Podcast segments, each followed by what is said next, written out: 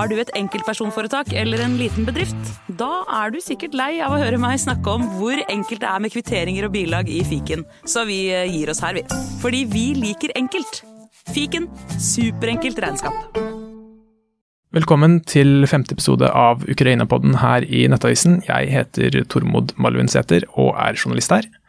Jeg heter Jørnsen Henriksen, jeg er ukrainerskribent i Nettavisen og leder av Norsk ukrainsk venneforening. Og det er 560 dager siden Russland eskalerte krigen, som har vart siden 2014, og invaderte Ukraina en, ja, med en fullskala invasjon.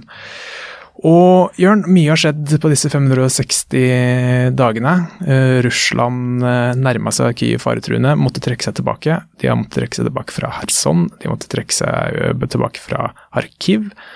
Men de okkuperer fortsatt nærmere 20% av eh, ukrainsk territorium. Og hva er egentlig siste nytt fra slagmarken nå? Siste nytt er at Ukraina har fortsatt fremgang. De har gjennom, de har ikke fått til et stort gjennombrudd som gjør at de liksom pøser på sørover. Men ved hovedfronten eh, sør for Ropetinje og nord for Novoprokopivka så har de fortsatt fremgang, også med Ferbove rett eh, øst for det her. Eh, de er rundt den andre eh, forsvarslinja. Eh, flere ting som tyder på at de har punktert den andre linja også, selv om det er på et veldig lite område. Mens de er forbi den første forsvarslinja på et ganske stort område. Og den eh, første forsvarslinja eh, er jo den som det blitt brukt mest ressurser på. Ja, for jeg har lest at det er altså, noen OSINT-folk og noen etterretningseksperter mm. mener at eh, Russland har brukt ca. 60% av ressursene på å bygge første forsvarslinje, som Ukraina nå har uh, brutt. Og så har de brukt ca. 20% på hver av de to neste. da. Det stemmer. Eh, det, det, er det som er, og, det er flere russiske kilder som, som, Ikke offisielle kilder, men russiske troverdige kilder som sier noe av det samme. Fordi at de trodde ikke at Ukraina skulle være i stand til å bryte den første linja. Eh, men så er det jo også sånn at det ikke nødvendigvis bare de fysiske hindrene som sier eh, hvor vanskelig det er å komme gjennom denne linja, det er også hvor store og hvor bra styrker russerne har eh, på linja til å forsvare den. Så de kommende forsvarslinjene bakover er mer laga til for å forsterkes av folk etter hvert som Ukraina presser seg fram.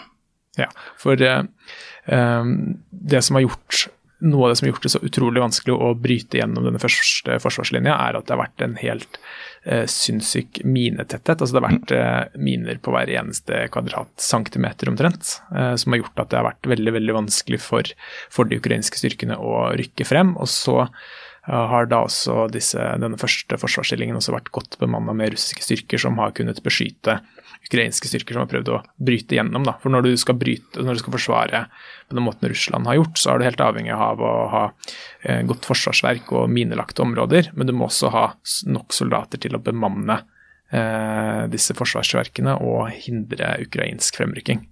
Ja, det har vært ekstremt tett med, med mine i dette området, og det er jo en av de tingene som som vil gjøre det lettere fremover. at det er, min, altså det er jo mye minelagt videre også, men ikke så tett som ved denne første linja. Og eh, flere amerikanske kilder har sagt at det, det er så stor tetthet av mine at det amerikanerne ville ha gjort, det er jo å bruke luftbårne styrker for å angripe bak denne linja. Men i og med at eh, det er russerne som har kontroll i luftrommet over fronten, så har ikke Ukraina anledning til å gjøre det. Nei, så Som vi vet, så flyr jo ukra ukrainske luftstyrkene de flyr med det vi i Vesten vil kalle utrangerte sovjetiske fly, som ikke har blitt gjort noe særlig med siden 90-tallet, starten av 90-tallet. Mm. Så det er, de, de det er et stort handikap for dem. Absolutt. Så det her er eh, var en uttalelse nylig jeg hørte, doktorgrad i landkrig fordi at de kan ikke benytte seg av luftstyrker. Så det er egentlig veldig imponerende det, det Ukraina har fått til med å bryte denne første linja. Og så vil det vise seg hvor stor grad de har anledning til å fortsette. Men de er jo avhengig av at eh, dess mindre russiske styrker det er i de kommende linjene, dess større mulighet har de for å bryte gjennom. Det er jo derfor Ukraina har denne strategien om å angripe flere plasser som tvinger russerne til å spre eh, reservene sine. Eh, det har også de siste par døgnene vært flere rykter om et større ukrainsk eh, angrep ved Vuledar, eh, som er litt lengre øst langs samme fronten. Jeg har ikke vanskelig å verifisere det. Jeg vil gjerne ha flere kilder som sier noe om det og mer bilder. Og så er det også tegn på stor aktivitet sør for Kherson, i Dniper-elvedeltaet, på det du forklarte som vi kaller venstre flanke eh, av, av elva. Der er det mye båtaktivitet, og så er det veldig mye droneaktivitet. Vi eh, snakka om Baraktar sist, at den har kommet tilbake. Og det tyder på at det her reidet de hadde helt eh, vest på Krimhalvøya, har satt ut store deler av luftvernsystemet til Russland i det området, så at de kan operere relativt fritt med drone. Ja, det var da dette angrepet som tok ut et S-400 radarsystem og Og to større radarsystem som på en måte har eh, en, en mer bred overvåkning av luftrommet i det området. Ja, man skal bare rette kjapt meg selv. S-400 luftvernsystem. Yep. Og det er tydelig at eh, det var en større plan bak det her. Nå driver de med mye droneangrep i området og ødelegger mye russisk utstyr, samtidig som de har eh, aktivitet med spesialstyrker eller marineinfanteriet på små båter. Og Det tvinger russerne til å sette inn styrker i det området her òg, for det er veldig nært Krimhalvøya, så de er veldig sårbare her. Og du nevnte Vuledar litt tidligere. I vinter, var det i januar, så var det en ganske stor uh, russisk offensiv. Uh, det var, liksom, det var venta at Russland ville komme med en vinteroffensiv, og den, uh, da satte de inn støtet i Vuledar. Og det var jo en fiasko uten like. Ja, det var mens Wagner-gruppa herja rundt Bakhmut og prøvde å ta Bakhmut, så skulle liksom den regulære russiske hæren konkurrere med Wagner i suksess, og de prøvde et større angrep mot Vuledar. Men Eh, Vuledar er vel kanskje en av de få plassene i Ukraina i tillegg til Bakhmut som er lettest å forsvare, for det ligger på en sånn høyde. Så det, var, det ble fullstendig katastrofe, og de mista særlig mange stridsvogner og pansra kjøretøy da de angrep der. Jeg leste, mener jeg leste tall på rundt 100, hvis ikke ja. mer. 100-150 er de tallene som har vært, som jo selv for eh, den mengden som Russland hadde på det tidspunktet, så er det et veldig betydelig tall. Ja, Så får vi se hvordan det går når da Ukraina skal angripe motsatt vei. Om, om de vil ha større effekt, og om det i hele tatt blir noe av dette angrepet. For som du sier, så er det jo Dette er jo kun på ryktestadiet enn så mm. lenge. Så får vi se om det blir noe troppeoppbygging og et angrep der. Ja. Men eh, hva vet vi egentlig om disse ukrainske reservene? Altså hvor mange styrker har de i bakkant? For har de, har de nok soldater eh, til å starte en ny front, eller gått et nytt angrep et annet sted langs fronten?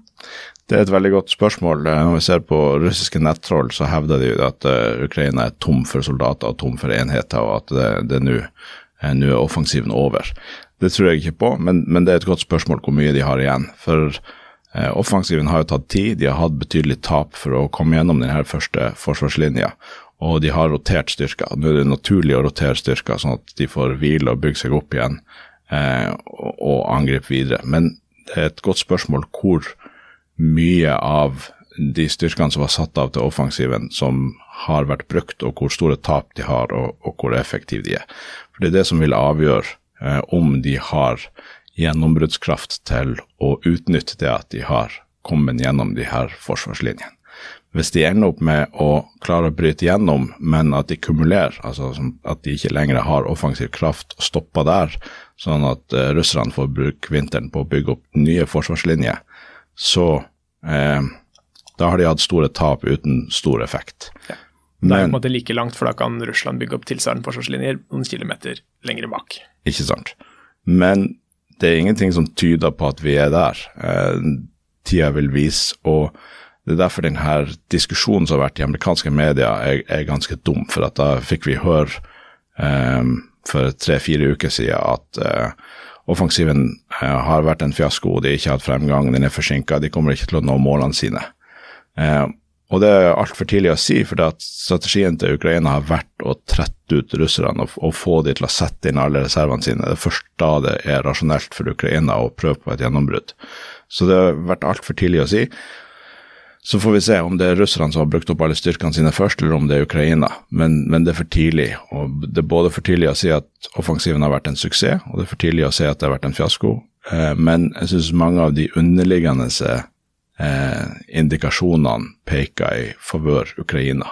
De, det, det, ser ut som de har suksess med strategien sin. De får Russland til å gjøre de tingene de ønsker, som er å, å spre styrkene sine tynt rundt og flytte rundt på de for å slokke den brannen som foregår på, for enhver tid for russerne. Ja, og Som kjent så kjemper jo Ukraina i innersvingen og har ganske kort vei for å flytte tropper langs fronten, mens Russland må ta den lange veien langs yttersvingen.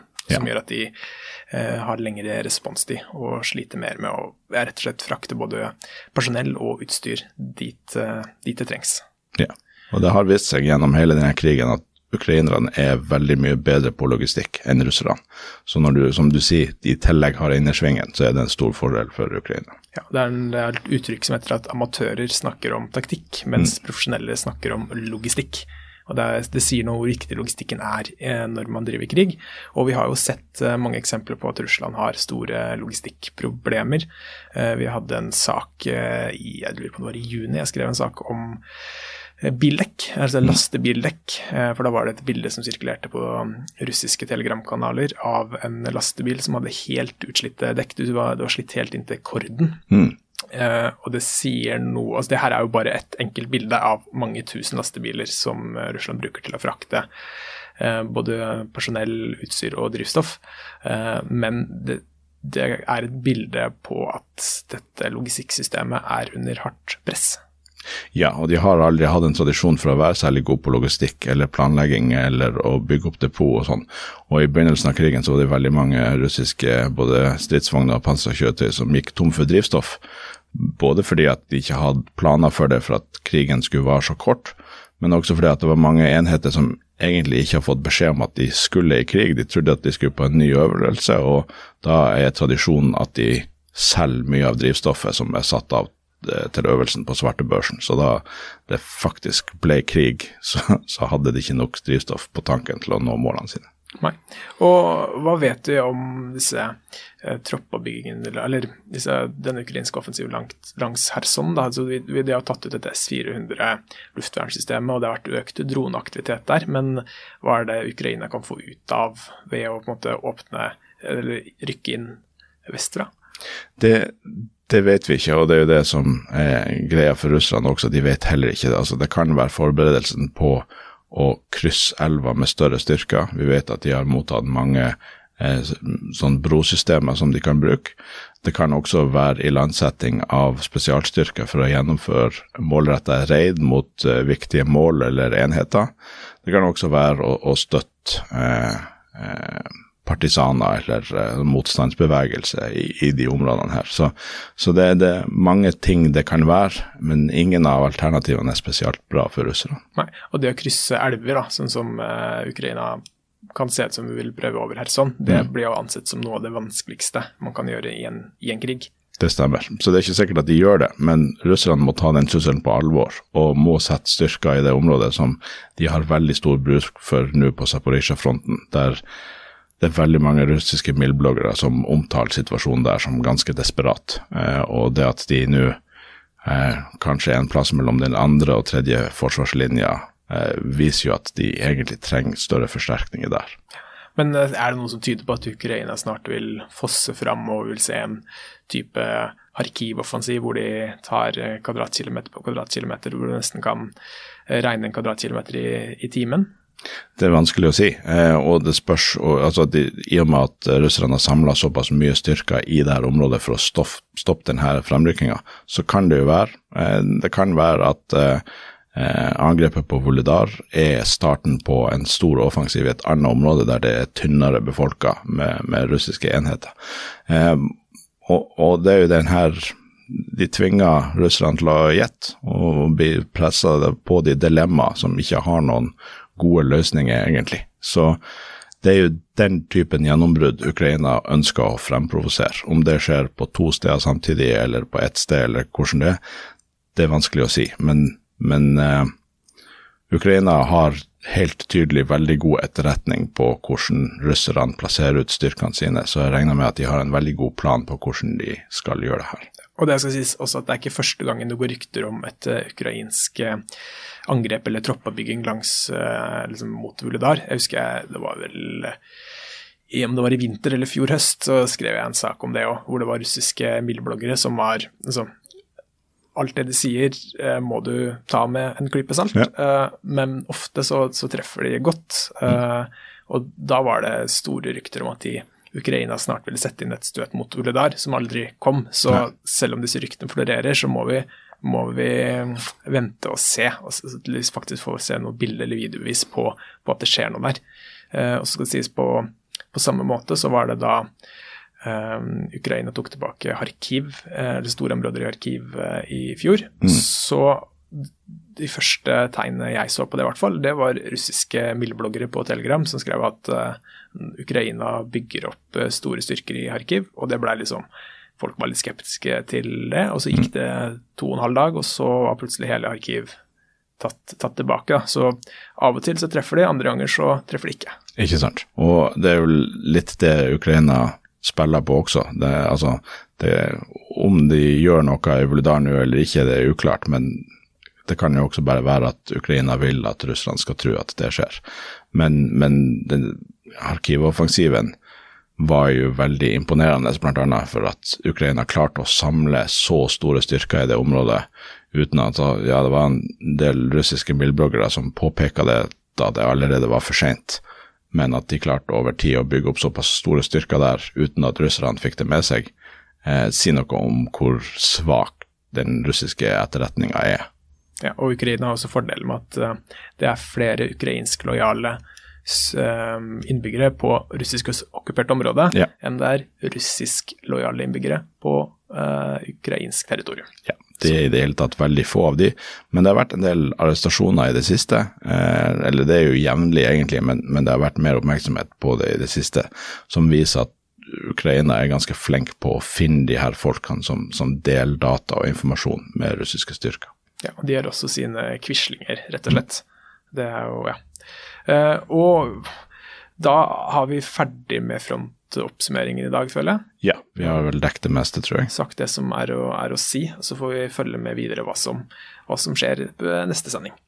Og da eh, skal vi videre til uran, eh, altså dette utarmede uranet som eh, Storbritannia har allerede gitt stridsvognsammunisjon ja. Eh, til Ukraina som inneholder utarmet uran. Og det da Storbritannia ga det til Ukraina i våres, så ble det stor ståhei fra Russland. De mente at det her var et steg eller omtrent at det var et steg nærmere atomkrig, og at dette var eh, nesten det samme som å gi atomvåpen til Ukraina, og at dette ville føre til en kjernefysisk nesten katastrofe, da, og at uh, det ville påvirke sivilbefolkningen i mange tiår fremover. Folk ville få kreft, og det, det virka nesten som om alle, alle, barn som blir født på disse områdene neste generasjon ville bli født med fire armer og tre øyne. Mm.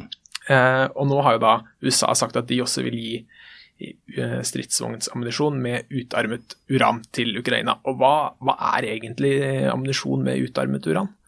Ja, altså utarma er jo Det er en grunn til at det heter utarma, for at de, det er tidligere brennstoff til atomkraftverk, men der de har tatt ut de har tatt ut tre fjerdedeler av isotopen 235U. Eh, og det gjør at radioaktiviteten er sterkt redusert. Det er 40% mindre radioaktivitet i utarma uran i forhold til naturlig uran. Uran er ikke veldig radioaktivt fra før, så helsefaren fra det her er svært minimal. Eh, Harvard har gjort en stor studie på det her og ikke funnet noe sammenheng mellom helseskader og bruk av denne eh, ammunisjonen i krigsområder annet enn at hvis du selvsagt blir truffet av ammunisjon. Um, den har en veldig høy tetthet, som gjør at den egner seg bra til å trenge gjennom panser. Den er rett og slett veldig hard? Ja. Og det er også grunnen til at det faktisk i noen tilfeller brukes for å beskytte mot radioaktiv stråling. Det, det har større tetthet enn en, uh, bly, f.eks. 1,7 eller 1,6 ganger så tett som bly? Ja, så, som gjør at den er selv om den har noe radioaktivitet i seg sjøl, så er den veldig egnet til å stoppe sterkere radioaktivitet. Sånn at i og med at det finnes radioaktivitet i det, så bruker russerne det for alt det er verdt i misinformasjonen sin. Men det er rett og slett misinformasjon. Det her er konvensjonelt, eh, en konvensjonell type ammunisjon som er vanlig, og er ja, det amerikanerne kaller en 'nothing burger'. Eh, her er det russisk misinformasjon som, som, er ute og går, Og det er ikke en spesielt kontroversiell type ammunisjon å bruke. Nei, og det, og det skal for, holdt på å si, for eh, motvektens eh, For å ha en liten motvekt til det, så har det vært noe forskning som viste at bl.a. under eh, Irak-krigen på 90-tallet, hvor USA brukte dette så utarmet uran, så var det viste at det var høyere forekomst av kreft i ettertid, men nyere forskning viser at det ikke er noen sammenheng ja, den, den, studien jeg tror det var fra universitetet i Basra er, er blitt gjennomgått, og det er funnet altså det var en spuriøs sammenheng. Det var andre faktorer i Irak på det her tidspunktet som gjorde at eh, krefttallene gikk opp blant barn. Og det hadde ikke sammenheng med det bruken av denne ammunisjonen. Eh, og så er det noen konspirasjonsteoretikere som vil si at ja, ja, men eh, Harvard er jo en amerikansk institusjon, så de kan vi jo ikke tro på. Men eh, Harvard er en eh, vel ansett, uavhengig akademisk institusjon. og jeg tror på den forskninga som de gjennomfører. Ja, Så da kan vi på en måte legge den død ut. Det er ingen sammenheng mellom utarmet uran og atomvåpen eller kjernefysikk eller altså eh, Ja. Det, Stemmer. Det, der, da legger vi den død, og så snakker vi ikke noe mer om det. Eh, men det vi skal snakke om, er Armenia, som eh, har vært en, eh, tradisjonelt en eh, partner med Russland de har hatt sikkerhetsgarantier fra Russland. Eh, Armenia var en del av Sovjetunionen og fikk sin uavhengighet i 1991. Hvis jeg ikke husker helt feil, så det, feirer de sin uavhengighetsdag 21.9. Stemmer. Så det er vel eh, nøyaktig tre uker til i dag. Stemmer det. Nei, to uker, ja. Er, I dag er det 7.9, og da er det ja. to uker til 21. Ja. Det er pappa sin bursdag, så Gratulerer til han. Ja, og gratulerer til Armenia. Eh, men Armenia har jo vært i en lang konflikt med Aserbajdsjan, som er nabolandet til Armenia. Og de har da kriga om Nagorno-Karabakh, som er en Det her er ganske teknisk og litt komplisert, men det er en eh, Nagorno-Karabakh har eh, erklært seg uavhengige og eh, har vært støtta av Armenia. Og så Uh, har det vært flere kriger der, senest i 2020 mellom Aserbajdsjan og Armenia. Ja. Og uh, Russland har hatt fredsbevarende styrker i Nagorno-Karabakh, mm. som Armenia mener ikke har gjort jobben sin, rett og slett. Stemmer. Og nå så har Armenia uh, erklært at de vil ha en militærøvelse med USA 11.9., som skal vare ja, ukes tid ca. En større militærøvelse. Og det har vakt internasjonal oppsikt. og eh, Borchgrevink i eh, Helsingforskomiteen eh, han er veldig klar i talen. Han skriver på Twitter at dette er seismisk. Armenia kunne ikke vist Putin fingeren tydeligere enn dette. Dette er nok et eksempel på hvordan Russland mister innflytelse i Kaukasus. Keiseren i Kreml er nok sint, men også maktesløs. Stemmer. Uh, og Armenia, hvordan tolker du dette her, Jørn? Hvordan skal, vi, hvordan skal vi se på at Armenia vender seg mot USA? Borchgrevink har helt rett, det her er ganske seismisk, eh, og keiseren i Moskva står uten klær. Eh, og det er ganske overraskende hvor fort det her har gått med Armenia. Eh, for at når man ser på, på denne konflikten med Aserbajdsjan, så er det en veldig sånn typisk måte Russland har holdt på i sine naboland etter Sovjetunionens eh, sammenbrudd. Den er lik det vi har i, i Moldova med Transnistria, eh, og i Georgia med Sør-Osetia og Abkhasia.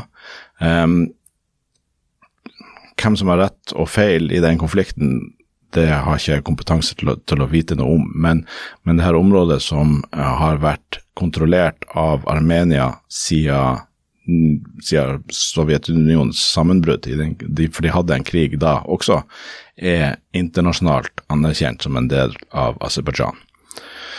Men eh, Armenia har hatt styrker der eh, etter freden kom eh, på begynnelsen av 90-tallet, og det har vært støtta, som du sier, av russiske fredsbevarende styrker. Og det er jo en måte. Russland liker de her frosne konfliktene og har fredsbevarende styrker i, i, i, i, Moldova og i Georgia også. Og det er en måte å ha innflytelse på. Og det har jo vært verktøyet deres for å ha innflytelse overfor Armenia. De er sikkerhetsgarantisten deres og skal liksom passe på dem. Så Armenia har jo vært veldig inn under eh, russisk innflytelse i, i, mange år nå. Og så hadde de den konflikten, og de fikk rett og slett juling av Aserbajdsjan i 2020. Eh, og, og tapte store områder, og fikk ingen hjelp av Russland i det hele tatt. Så den eh, sikkerhetsgarantien fra Russland viste seg å være ganske tom. Eh, så har vi sett eh, det har vært en del trefninger også i løpet av det siste året eh, og i 2022 som ytterligere har provosert Armenia. Og eh, med alle styrkene i Ukraina, så er det ting som tyder på at russerne kanskje ikke kunne ha gjort noe særlig uansett, selv om de skulle ønske å gjøre det. For det er jo pågående, sånn som du sier, det har vært, det har vært mange trefninger. og jeg, jeg følger eh, både armenske og aserbajdsjanske forsvarsdepartementet på X, eller Mm. som vi også kan si Twitter. Eh, og der ser det, i hvert fall månedlig, så er det trefninger med dødsfall, altså hvor soldater blir, blir drept. Så det, er, det er ikke en aktiv krig, men, men det er krigshandlinger der regelmessig. Ja. Og, og Armenia er på, på bakfoten der. Det er helt klart at Aserbajdsjan er den sterke parten i den, i den konflikten. Og vi så i 2022 så så vi at det her eh, lojaliteten til Moskva begynte å slå sprekker. Nancy Pelosi, eh, som da var speaker of the house og den tredje, formelt sett tredje mektigste personen i USA, var på besøk. Og det er jo noen typisk eh, sånn greier som amerikanerne gjør. De sendte jo også henne til Taiwan for å vise støtte til de eh, da det var ganske overhengende fare for økt konflikt mellom de og, og Kina. Og det ble sett på som et sånt tegn at hm, kanskje her er et eller annet på gang og en tilnærming til Vesten. Eh, så har det her kommet nå i det siste med eh, både at eh, eh, Armenia har eh, på en måte tatt tilbake delegasjonen sin til CSTO, som er liksom Russland sitt Nato, et sånn sikkerhetssamarbeid mellom Russland og andre tidligere sovjetstater, og har på en måte frosset sin aktivitet der, og sagt at de skal ha eh, øvelser sammen med amerikanske styrker. Og det er ganske stort. altså Det, det er noe av grunnen til at det, det kalles seismisk. fordi eh, Armenia har også hatt eh, generalsekretæren i denne yeah. organisasjonen, så de har vært en veldig de har lent seg veldig tungt på det. Mm. Eh, og når de da på en måte vender dette, denne alliansen ryggen, så er ja, det er rett og slett veldig, veldig stort. Ja, og de har på en måte virkelig trykt på, på knappen. Det er flere av de andre tidligere sovjetstatene som på en måte har glidd ut av russisk innflytelsessfære i det siste, særlig Kasakhstan, men, men eh, også flere av de andre. Eh, men det har vært litt sånn forsiktig steg for steg, mens Armenia tydeligvis har bare eh, kjørt helt på og nå inviterer amerikanske styrker inn på, på territoriet sitt, samtidig som de har en delegasjon i Kyiv som offentliggjør at de for første gang gir humanitær hjelp til, til Ukraina. Så det er liksom veldig mange tydelige signaler på en gang. Mm, Det skal også sies at det var en, kall det en demokratisk revolusjon i Armenia i 2018. For eh, som veldig mange andre tidligere sovjetstater, så har eh, Armenia vært mer et diktatur enn eh, demokrati. Eh, men i 2018 så var det en, eh, en slags Det var en ja, demokratisk revolusjon da, som var eh, Som måte har satt litt fart på sakene. Eh, og det er nok også et resultat av det vi ser nå. Altså skal, sånn som jeg skjønner det, så denne presidenten i Armenia, som jeg ikke skal prøve å uttale navnet på, for det får jeg ikke til, eh, men han er ikke noen vestlig liberal eh, kar. Han er, ikke Han er eh, ja, han er ikke verdens største USA-venn, men, men han er i hvert fall en demokratisk valgt president som ser at det, Armenia ikke er tjent med å være under Russland. Ja, og så har de en ganske sånn, ja, jeg skal ikke si progressiv, men en statsminister, eh, Pashinyan, som er tidligere journalist. Han har vært i pro-demokratiske demonstrasjoner tidligere, har vært arrestert og vært i eksil eh, av, eh, eller i husarrest, av å ha deltatt i de her demonstrasjonene, og eh, ble etter hvert frigjort og, og har deltatt i valg. Så han har på en måte en, en track record for å være demokratisk orientert, som, som jo en, en som du sier, det er en slags eh, liten demokratisk revolusjon som har skjedd der.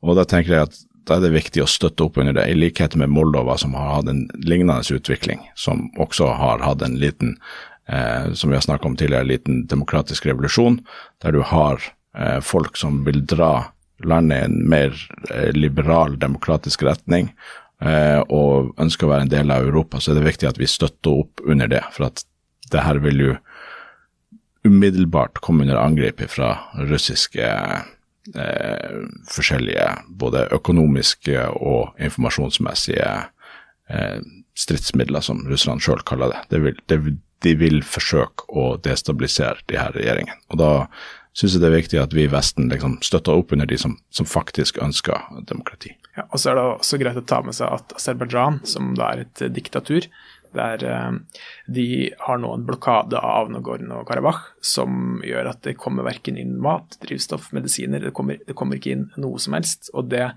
hvis jeg husker rett, så har den vært altså den blokaden har vart nærmere altså vart ganske lenge, mm. uh, men så har det vært mulig å komme seg gjennom. altså Det har vært litt korrupsjon, og liksom, du, du, har fått inn litt drivstoff, litt mat. så er det liksom yeah. du, det, har vært, det, har vært, det, har vært, forferdelig, men ikke helt forferdelig. Uh, mens nå i sommer så har den vært uh, helt stengt, og de får, ikke inn, de får ikke inn mat, de får ikke inn medisiner, de har ikke strøm. det er spedbarn som må dele på kuvøse. For, altså, andelen som føder for tidlig, eh, har gått i taket. Eh, folk besvimer i brødkøen mens de venter på, på mat. Eh, og det er rett og slett altså det er helt grusomt der inne, ut fra, ut fra, det jeg skjønner. Og Det er også en del av bildet her da, at Armenia er forbanna på russerne fordi at de ikke bryter denne blokaden. Ja, og, og eh, Aserbajdsjan er jo et diktatur, men de er ganske vestlig orientert. De er nær alliert av Tyrkia eh, har god kontakt med Ukraina og Israel og, og Vesten for øvrig. Eh, så det kan være også at Armenia ser det som mer sannsynlig å kunne få en fremforhandla løsning på det her hvis de orienterer seg mot Vesten og har kanskje vestlige forhandlingspartnere Eh, heller enn en russisk fremforhandla fred som, som, de har hatt tidligere, og som, som ikke har funka for Armenia. Det, det, har gått fra vondt til verre de siste årene. Ja, for det er jo Russland er da tradisjonelt i dette området i Kaukasus er de som har lagd disse fredsavtalene og ja. sendt, sendt fredsvarende styrke for å passe på at de blir etterlevd. Mm. Og hvis, igjen, hvis jeg skjønner det riktig, så skal det være et forhandlingsmøte i oktober med EU, bl.a., som mm. skal hvor EU skal prøve å få til en eh, fredsavtale mellom Armenia og Aserbajdsjan og prøve å løse konflikten i Nagorno-Karabakh, hvor, ja. Eh, hvor, da denne militærøvelsen med USA kan være eh, et trekk fra Armenia for å på en måte komme seg tettere på Vesten og stille med sterkere kort i den forhandlinga. Absolutt. Og en russisk fremforhandla fredsavtale er jo som regel først og fremst bra for Russland, og ikke nødvendigvis sivilbefolkninga i området der. Og da lurer jeg på om vi skal eh, bevege oss eh, videre til lytterspørsmålene. Vi har yes. fått inn flere. Det er veldig gøy. Veldig gøy med så mange og så gode lytterspørsmål, så fortsett gjerne med det. Yes. Og da uh, begynner jeg med å lese opp uh, den første. Uh, hei. Fikk ukrainerne nyttiggjort seg av Molokov-cocktailene som de produserte på dugnad? Har de blitt brukt, som noen av de norske militærekspertene antydet, eh, til å hive dem ned fra taket på bygninger og ned på militærkjøretøy som passerte. Da har det vel blitt legalisert av Putins drømmenn å skyte tilbake på bygningene. Dette ble vel en litt annerledes krig. Og hva med de store klasebombene som er lagra i Tyskland og venter på destruksjon? Det er vel en amerikansk ekspert som har ymtet at uh, frampå om at hadde ukrainerne fått tilgang på disse, så hadde de rensket vei for motoffensiven temmelig raskt. Da hadde mange menneskeliv vært spart. Da måtte Europa ha organisert en stor ryddeaksjon av blindgjengere etter krigens slutt. Jeg slutter meg frivillig til å være med på den dugnaden, skriver Bjørn. Tusen takk for eh, e-posten, Bjørn.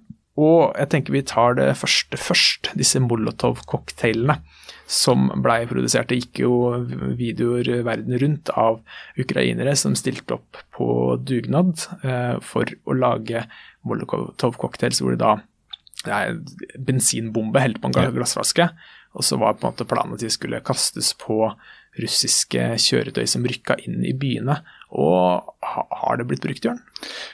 Jeg har ikke sett tegn til at det er blitt brukt. Eh, jeg har leita litt etter det også, men eh, det var jo i dagene før krigen så var det jo en slags mobilisering av det ukrainske totalforsvaret. At, eh, at utdeling av automatrifler til sivile som, som ønska det for å kunne kjempe i, i bykjernen i, i Kyiv, og også de her Molotov-cocktailene. Det var vel et uh, kjent ukrainsk bryggeri også som endra hele produksjonen sin fra å produsere vodka til å produsere eh, Molotov-cocktailer. Det har vært eh, bryggeri Lviv, Ja, hvis jeg husker stemmer. rett. Og jeg lurer på om det er samme bryggeriet som også har denne Putin-ølen du kan kjøpe Stemmer. på Vinmonopolet, yep. som eh, anbefaler folk å sjekke ut. Ja, den er god.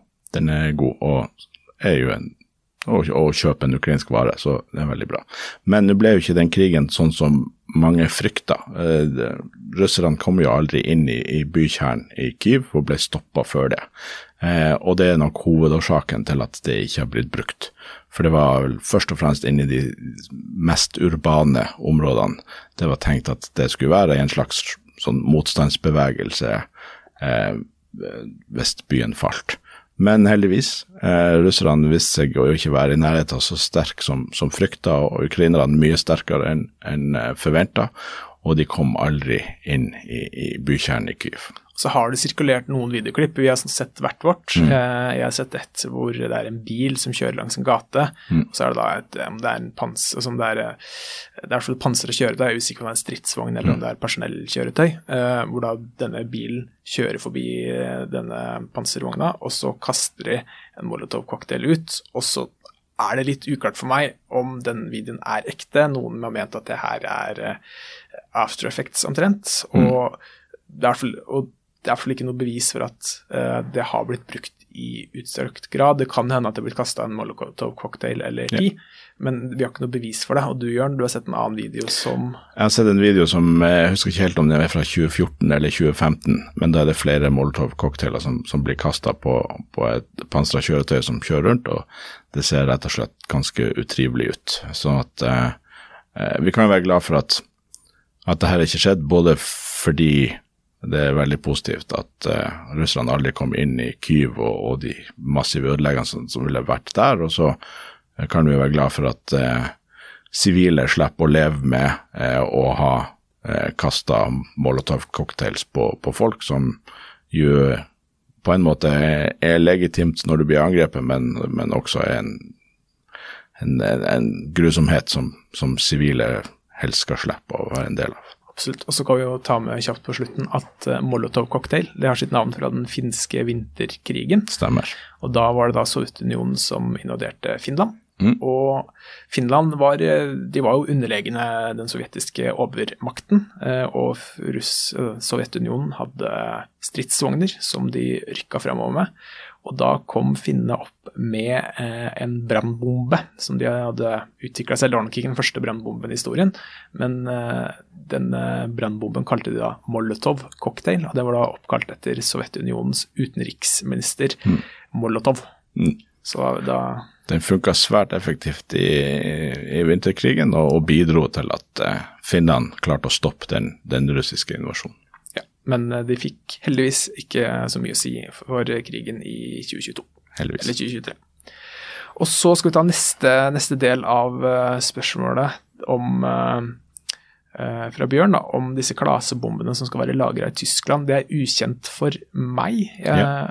Og eh, jeg regner med at Tyskland har underskrevet denne pakten, eller denne avtalen da, om at man ikke skal bruke klassevåpen. Ja. Så la oss si, hvis, det stemmer da, at eh, Tyskland har klasse, store mengder klassevåpen på lager, så er det helt urealistisk at de ender opp i Ukraina, fordi Tyskland har forplikta seg til å ikke eh, til, til å destruere de, og ikke sende de til land i krig eller bruke de på noen som helst måte. Ja.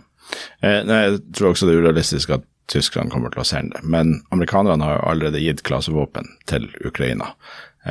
Og juridisk sett så kan de gjøre det, for verken USA eller Ukraina har skrevet under klasevåpenkonvensjonen. Eh, så har det fått en del kritikk, eh, for det er jo selvsagt kontroversielt med, med klasevåpen, og, og det er veldig forståelig. Det er et, eh, det er et grusomt våpen. Og hovedgrunnen til at vi fikk klasevåpenkonvensjonen, er jo fordi at klasevåpen har ført til veldig mye sivile eh, skader og eh, dødsfall. Men det er også mye, mye fordi de områdene de har blitt brukt i, har jo vært i kriger der de som bruker denne ammunisjonen, ikke har tatt noe særlig ansvar for opprydding etterpå. Og de blir liggende, og de er veldig ustabile. Eh, og til forskjell fra et minefelt som er avgrensa ofte, og, og noe man vet om, så dukker de her opp på eh, ukjente plasser. eh, og fører til veldig mye skade, også særlig barn som leker og tar på det. Så, så det er et forferdelig våpen. Og veldig enkelt forklart, altså Klasevåpen det er eh, kall det en, en bombe mm. som inneholder 1000, 2000, eller flere ja. tusen, opptil flere tusen sprengladninger. Så denne hovedbomben eksploderer over bakken, mm. sprer da tusenvis av mindre bomber utover et stort område, mm. som da eksploderer når de treffer bakken. Og so far so good, holdt jeg på å si. Mm. Men eh, problemet er at det får såkalte blindgjengere da, som ja. eh, treffer bakken uten å gå av, og så ligger de og er klare til å eksplodere med en gang de blir tatt på. Det er det som er liksom største problemet med klassevåpen, sånn sett fra, uh, ut fra liksom, hensyn til sivilbefolkningen. Det er et veldig effektivt våpen for å drepe, og mm. uh, veldig effektivt for å ta ut uh, fiendtlige stillinger, skyttergraver. Ja. Fordi I motsetning til vanlig artilleri, som på en måte bare det, det sprenger et sted, og så har det på en måte ganske uh, begrensa område det faktisk rammer, så ja. kan du da rett og slett teppebomba et større område med klassevåpen. Ja. Er det greit oppsummert? Det stemmer, og det, det funker på en Litt sånn hvis du som barn har leka leken at du har en, eh, en stokk ute i havet eller noe sånt, og skal du prøve å treffe det med en stein, så kan du ganske lenge stå og kaste én og én stein og aldri treffe den stokken. Men hvis du tar en hel håndfull med, med småstein og kaster samtidig, så er sjansen for at et par av de steinene treffer stokken ganske høy. Og Det er nettopp sånn klasevåpen funker. og Derfor Eh, amerikanerne har også gitt det til, til Ukraina. Og, og, så vil jeg si at det at Ukraina får det og bruker det på eget territorium, er litt annerledes enn det som er årsaken bak eh, klasevåpenkonvensjonen. Og, og, fortsatt kontroversielt. Jeg forstår de som er kritiske til det.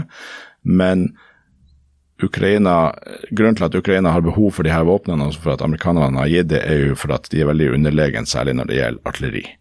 Eh, og de har også mangel på ammunisjon, og det er begrensning hvor mange artilleriskudd et, et, eh, et artilleriløp tåler.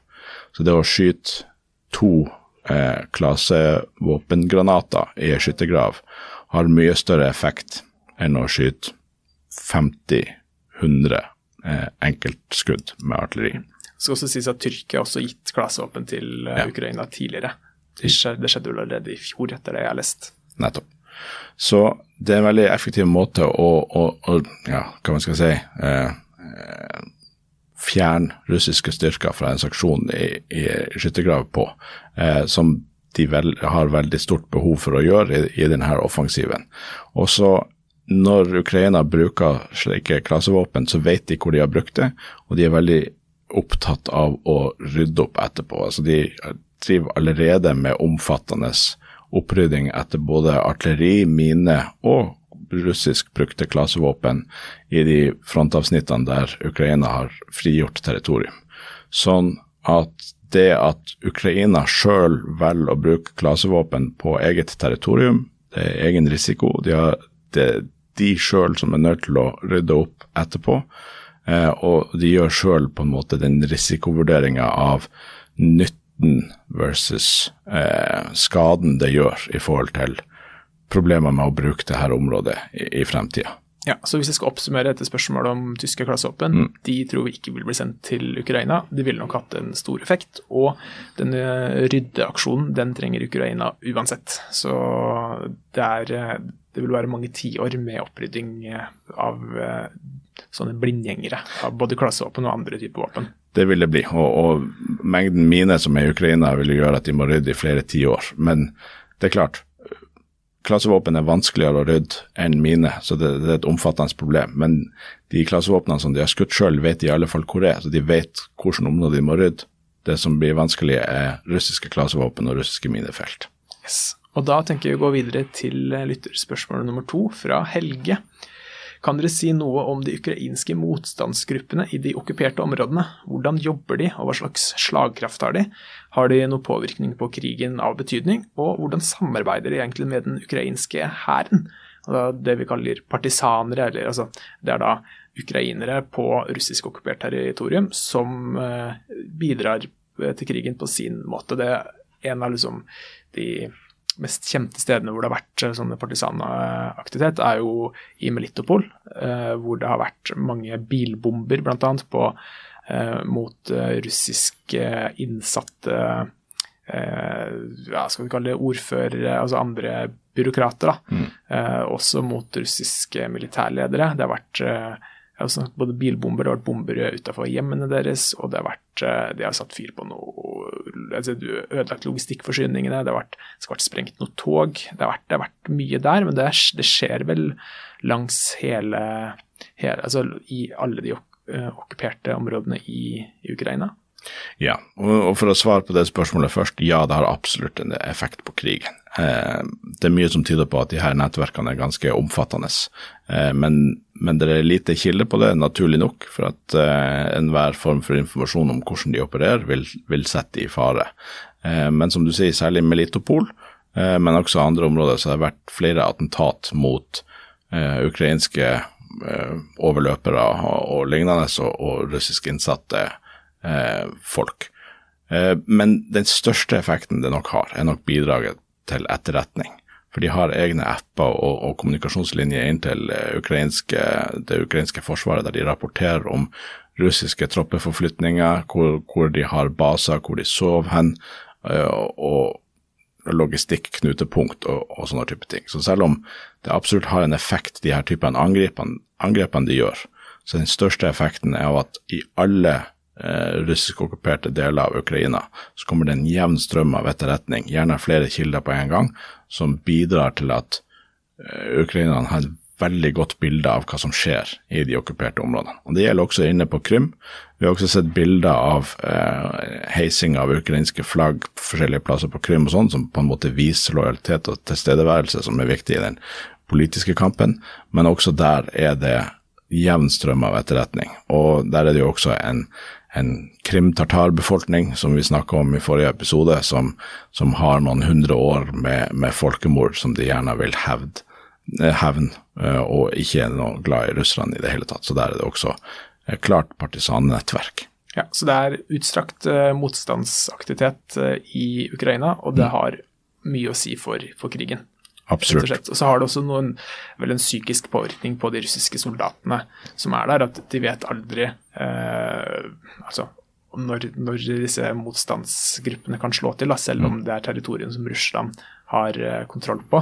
Det var tenkt opp eh, eh i Melitopol igjen, da, så har det vært hengt tenkt opp flere plakater som, hvor det står liksom at uh, russiske soldater dere er, altså, type, dere er aldri trygge, og plutselig så tar vi livet av dem mens de står på post. Så ja.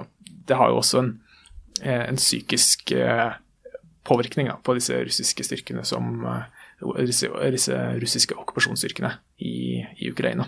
Absolutt, de vil aldri føle seg trygge. Og så er jo baksida av medaljen er jo at det føler jo også til at uh, russerne kanskje har enda mer grusomheter mot sivilbefolkninga enn de ellers ville hatt. Men altså, det her er jo en det her er jo en, og denne podkasten også er et resultat av at det er en krig vi følger veldig mye med på, mye detaljer i sanntid, og vet veldig mye om hva som skjer i denne krigen pga. sosiale medier og åpenhet og sånn, men, men, det her med eh, motstandsgruppen bak fronten er vel det nok, noe av det vi vet minst om. Så når denne krigen en gang er over, så gleder jeg meg til å lese bøker om hvordan det har foregått. Yes, Da takker vi til Helge, og så går vi på videre til neste spørsmål. og det eh, lyder som følger. Det er fra Magnus. Først og fremst vil jeg gi dere skryt for podkasten dere har laget. Lærerikt og meget interessant. Og det er helt tydelig at det er to kunnskapsrike som snakker. Jeg er meget interessert i krigen som pågår, og er en flittig bruker av Telegram og har sett alle episodene til Dennis på YouTube, blant annet. Dennis, eh, jeg husker ikke etternavnet hans, men det er en Han er vel ukrainsk, ja. Eh, som legger ut daglige 15 minutters snutter på YouTube, som måtte ta for seg de siste døgnets uh, begivenheter. Da, og anbefaler absolutt å følge ham både på YouTube og på Twitter og på Telegram. Han kommer med mye god informasjon. Uh, jeg har også drevet med innsamling av klær og andre ting som har blitt sendt nedover via diverse kontakter. Og det er altså veldig, veldig bra, Magnus. Mm. Det, ja, Ukraina trenger all den hjelpen de kan få, og sånn type hjelp er ekstremt viktig. Absolutt. Og så kommer vi til spørsmålene til Magnus. Hvordan tror dere gjenoppbyggingen av Ukraina vil foregå når krigen endelig er over? Hvordan blir dette finansiert? USA vil kanskje ha noe retur for all støtten de har gitt. Ja, altså det, det vil nok være mye støtte fra Vesten, også fra USA. Vi har Nansen-hjelpen i, i, i, Norge, som der deler av det er satt opp til eh, gjenoppbygging. Så jeg tror det vil nok være mye støtte fra, fra vest så vil det kanskje, alt etter hvordan krigen avsluttes, om det blir regimeskifte i Moskva eller ikke, så kan det jo være snakk om krigserstatning. Eh, men også vest, mange vestlige land har jo tatt arrest i, i russiske verdier, som kanskje potensielt kan, kan bidra til, til, gjenoppbygging. Men det er jo ikke noe tvil om at Ukraina, når krigen er over, også vil være et attraktivt område for investorer. Det er jo allerede nå bedrifter og aktører inne og, og bygger fabrikker og lignende. Fordi at de, de ser at uh, Ukraina har en voldsom industriell kraft og, og teknisk kompetanse. Um, og det er jo interessant å sammenligne med Tyskland etter andre verdenskrig. Vest-Tyskland fikk jo en veldig oppblomstring etter andre verdenskrig, bl.a. fordi at alt lå i grus. Så den industrien som ble bygd opp, var uh, gjenoppbygd, var veldig moderne og raskt ukonkurrert f.eks. industri i Storbritannia som var eh, slitt helt inn til tannkjøttet etter eh, krigsproduksjon. Sånn at eh, jeg, jeg, tror altså Gjenoppbygging av Ukraina vil ta veldig lang tid og vil kreve veldig mye kapital. Men det vil ikke bare komme gjennom, eh, gjennom eh, bistand eh, fra, fra naboland. Det vil også komme gjennom investorer som absolutt ser verdien av å investere i Ukraina. Og så er det også beslaglagt enorme russiske midler. altså Oligarker som har hatt eh, eiendommer, yachter eller rett og slett penger i uh, vestlige banker. Så ja. Jeg vet ikke hvor mange milliarder det er snakk om, men det er snakk om store summer.